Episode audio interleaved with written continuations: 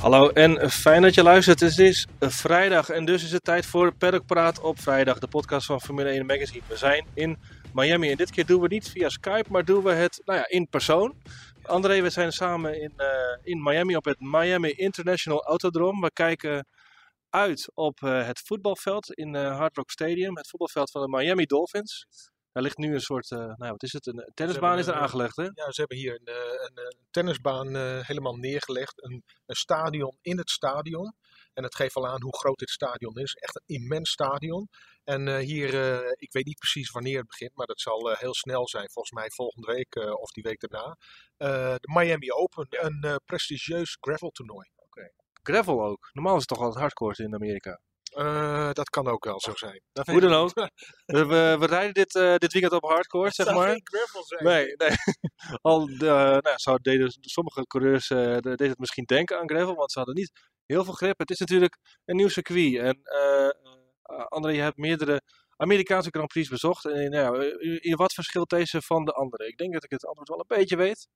Nou ja, dit is, dit is de overtreffende trap. Uh, ik, vorig jaar in Austin, dat vond ik echt een van de allermooiste Grand Prix die ik heb meegemaakt qua sfeer en beleving. Het was echt fantastisch.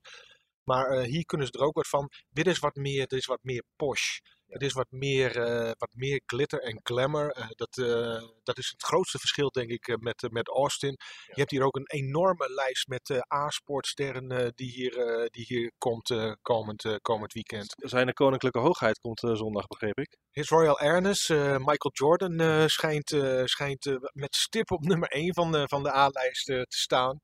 Uh, zelf trouwens ook een uh, grote, groot motorsportliefhebber. Hij heeft, uh, ik weet niet of hij het nog heeft, maar hij had altijd een, een eigen, eigen raceteam. Hij heeft een NASCAR-team, geloof ik ook. Ah, oké, okay, oké. Okay. Um, Hoe dan ook? Hoe dan ook, uh, het, is, het, is, het, is, het is groot, uh, het is mooi en ik moet zeggen, uh, op het circuit valt heel veel aan te merken, met name die, die namaak jachthaven, weet je, dat slaat echt nergens op, ja. vind ik. Maar goed. Een mikpunt van veel spot, hè? Ja, en terecht ook, weet ja. je, dat, dat, is gewoon, dat, is gewoon te, dat is gewoon te veel. Maar uh, dan heb je nog een kabelbaan hier uh, ergens. Daar gaan we morgen uh, trouwens in. Hè. We hebben er kaartjes voor gekregen. En dan heb je ook nog een soort, soort strandje. Daar, ja. zie je, daar zie je dan mensen in een, in een strandstoel liggen.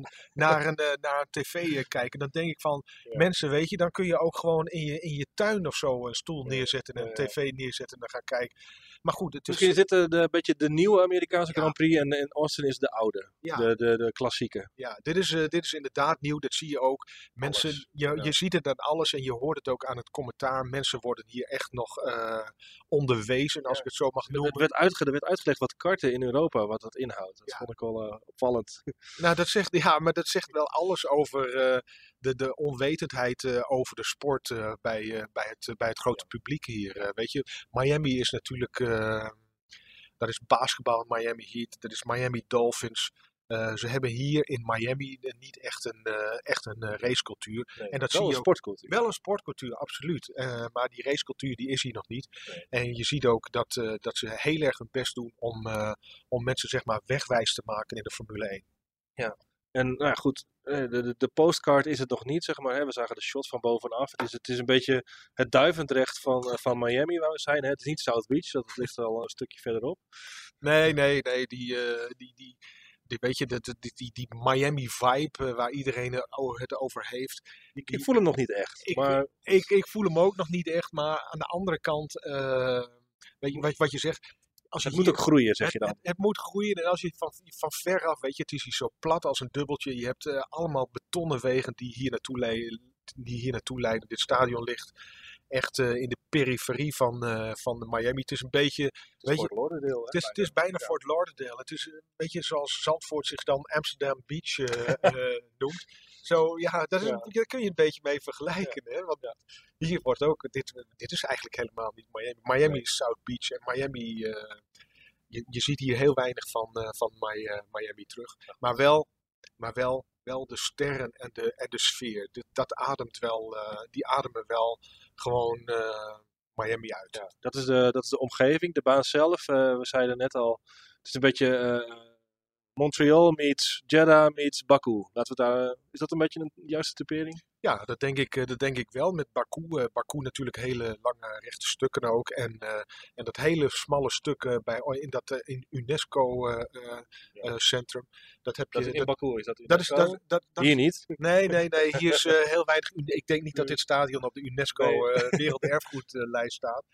Maar ehm, het, is een, het is een hele spannende en verraderlijke baan wat we gezien hebben. Uh, veel, veel slippertjes, hè. het is natuurlijk aftasten voor iedereen. Uh, het is, ja goed, simulator, uh, daar is natuurlijk van alles gedaan. Maar de eerste kennismaking met het asfalt is altijd, altijd spannend. Veel glijpartijen. Carlos Sainz beleefde, de, de, laten we zeggen, de zwaarste valpartij. Als we het over glijden hebben. Ja, Carlos die ja, met een nieuw contract op zak. Nieuw contract op zak en vervolgens vier keer uh, gecrashed en uh, geslipt en noem het allemaal maar op. Australië natuurlijk, Imola twee keer en hier gelijk ook op de eerste dag. Niet goed voor hem. hij zat gisteren bij de persconferentie ook een beetje ja, ik weet het, niet. Het, het, is niet lekker voor je zelfvertrouwen. Nee. Ik bedoel, de, de overuren voor de monteurs, de schade, de bonnetjes, de kosten, dat is natuurlijk allemaal vervelend. Maar goed, het vertrouwen zal er ongetwijfeld zijn in hem. Maar voor zijn eigen zelfvertrouwen is dat natuurlijk niet, uh, niet fijn helemaal. Als je teamgenoot ook nog eens aan de leiding gaat in het kampioenschap. Nee, en zo zat hij er gisteren op de persconferentie, vond ik ook uh, een beetje bij. Uh, waar hij wel echt van, uh, van opfleurde, dat was natuurlijk toen het gesprek op Real Madrid kwam, zijn, zijn favoriete club. Maar, ja, maar, dat is wel heel ver weg hier. Dat is, dat is wel heel, uh, Zakker. heel, ver, heel ver weg. Maar goed, uh, nee, dat, uh, dat, moet, dat moet echt beter. Hij heeft echt een, hij heeft echt een goed weekend nodig om, om uit die dip te komen. Want dat, daar zit hij volgens mij toch wel in, met name ja. geestelijk. Het kan natuurlijk met één race gebeurd zijn. de grootste pechvogel, pechvogel van de dag is denk ik wel Max Verstappen zelf. Onze onze, onze wereldkampioen. In de eerste training reed hij al het minste aantal rondjes van, uh, nou ja, op, op Bottas na. En in de tweede tra training ging het helemaal fout. De versnellingsbak werd van tevoren vervangen, want er waren wat koelingsproblemen. En men dacht hiermee dat euvel te hebben ondervangen. Maar in zijn outlap uh, begon zijn auto al, al, te sputteren. Hij riep dat het moeilijk sturen was. En nou goed, na afloop stonden de gezichten ook wel somber bij Red Bull. Ja, uh, Verstappen zelf. Althans bij Verstappen zelf. Ja, Verstappen zelf, die, was het, die, die baalde natuurlijk enorm. Uh, weet je, als je op een, uh, op een nieuwe baan komt, dan wil je, dan wil je kilometers maken. Je wilt, je, wilt je rempunten zoeken. je wilt kijken waar, waar, waar eventueel inhaalmogelijkheden liggen. Nou, maar je wilt vooral ook data verzamelen. En dat, dat is niet gelukt. Maar uh, aan de andere kant, ik sprak na, na de tweede training even kort met, met Helmoet Marco, hè, de, de topman van Red Bull.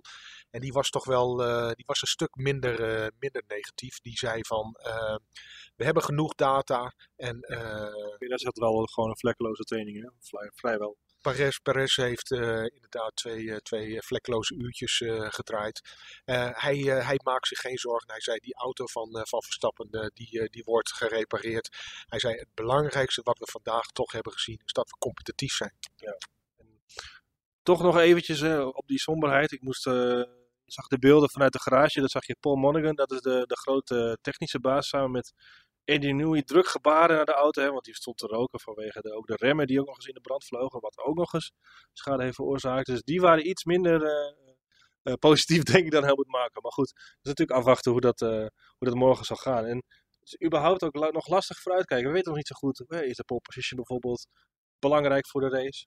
Nee, en we weten eigenlijk ook nog niet hoe, hoe het er werkelijk voor staat. Hè? Ik bedoel, we hadden vanochtend uh, Leclerc als, weet je, dat zijn trainingen. En uh, trainingen, daar kun je, je kunt er eigenlijk niet heel erg veel uh, van uit, uit, uit afleiden. Maar, en Russell, George Russell was natuurlijk de, de, de snelste man in de, in de tweede sessie. Mercedes heeft aardig wat updates meegenomen.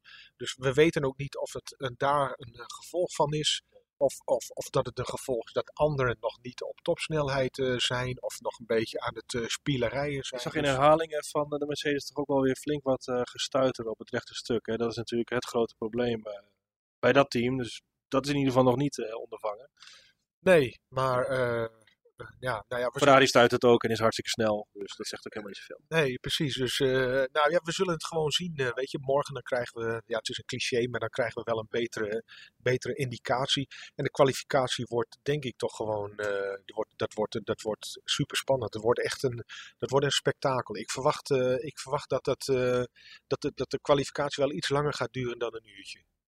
Daarmee doel je denk ik op een eventuele rode vlag. Ja. En ik denk dat de, de race uiteindelijk ook met die twee DRS-zones aan het einde van. eh, eh, in totaal zijn het de drie DRS-zones, maar die twee aan het einde van het circuit, hè, met die herpin ertussen, dat belooft natuurlijk ook nog wel redelijk wat gevechten op, eh, op te leveren. Maar daar gaan we het hebben over, daar gaan we het over hebben na het weekend. Dan gaan we het alles bespreken.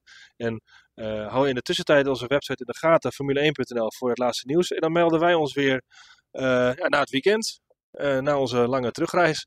En zeg ik voor nu bedankt voor het luisteren en tot de volgende. Perlpraat.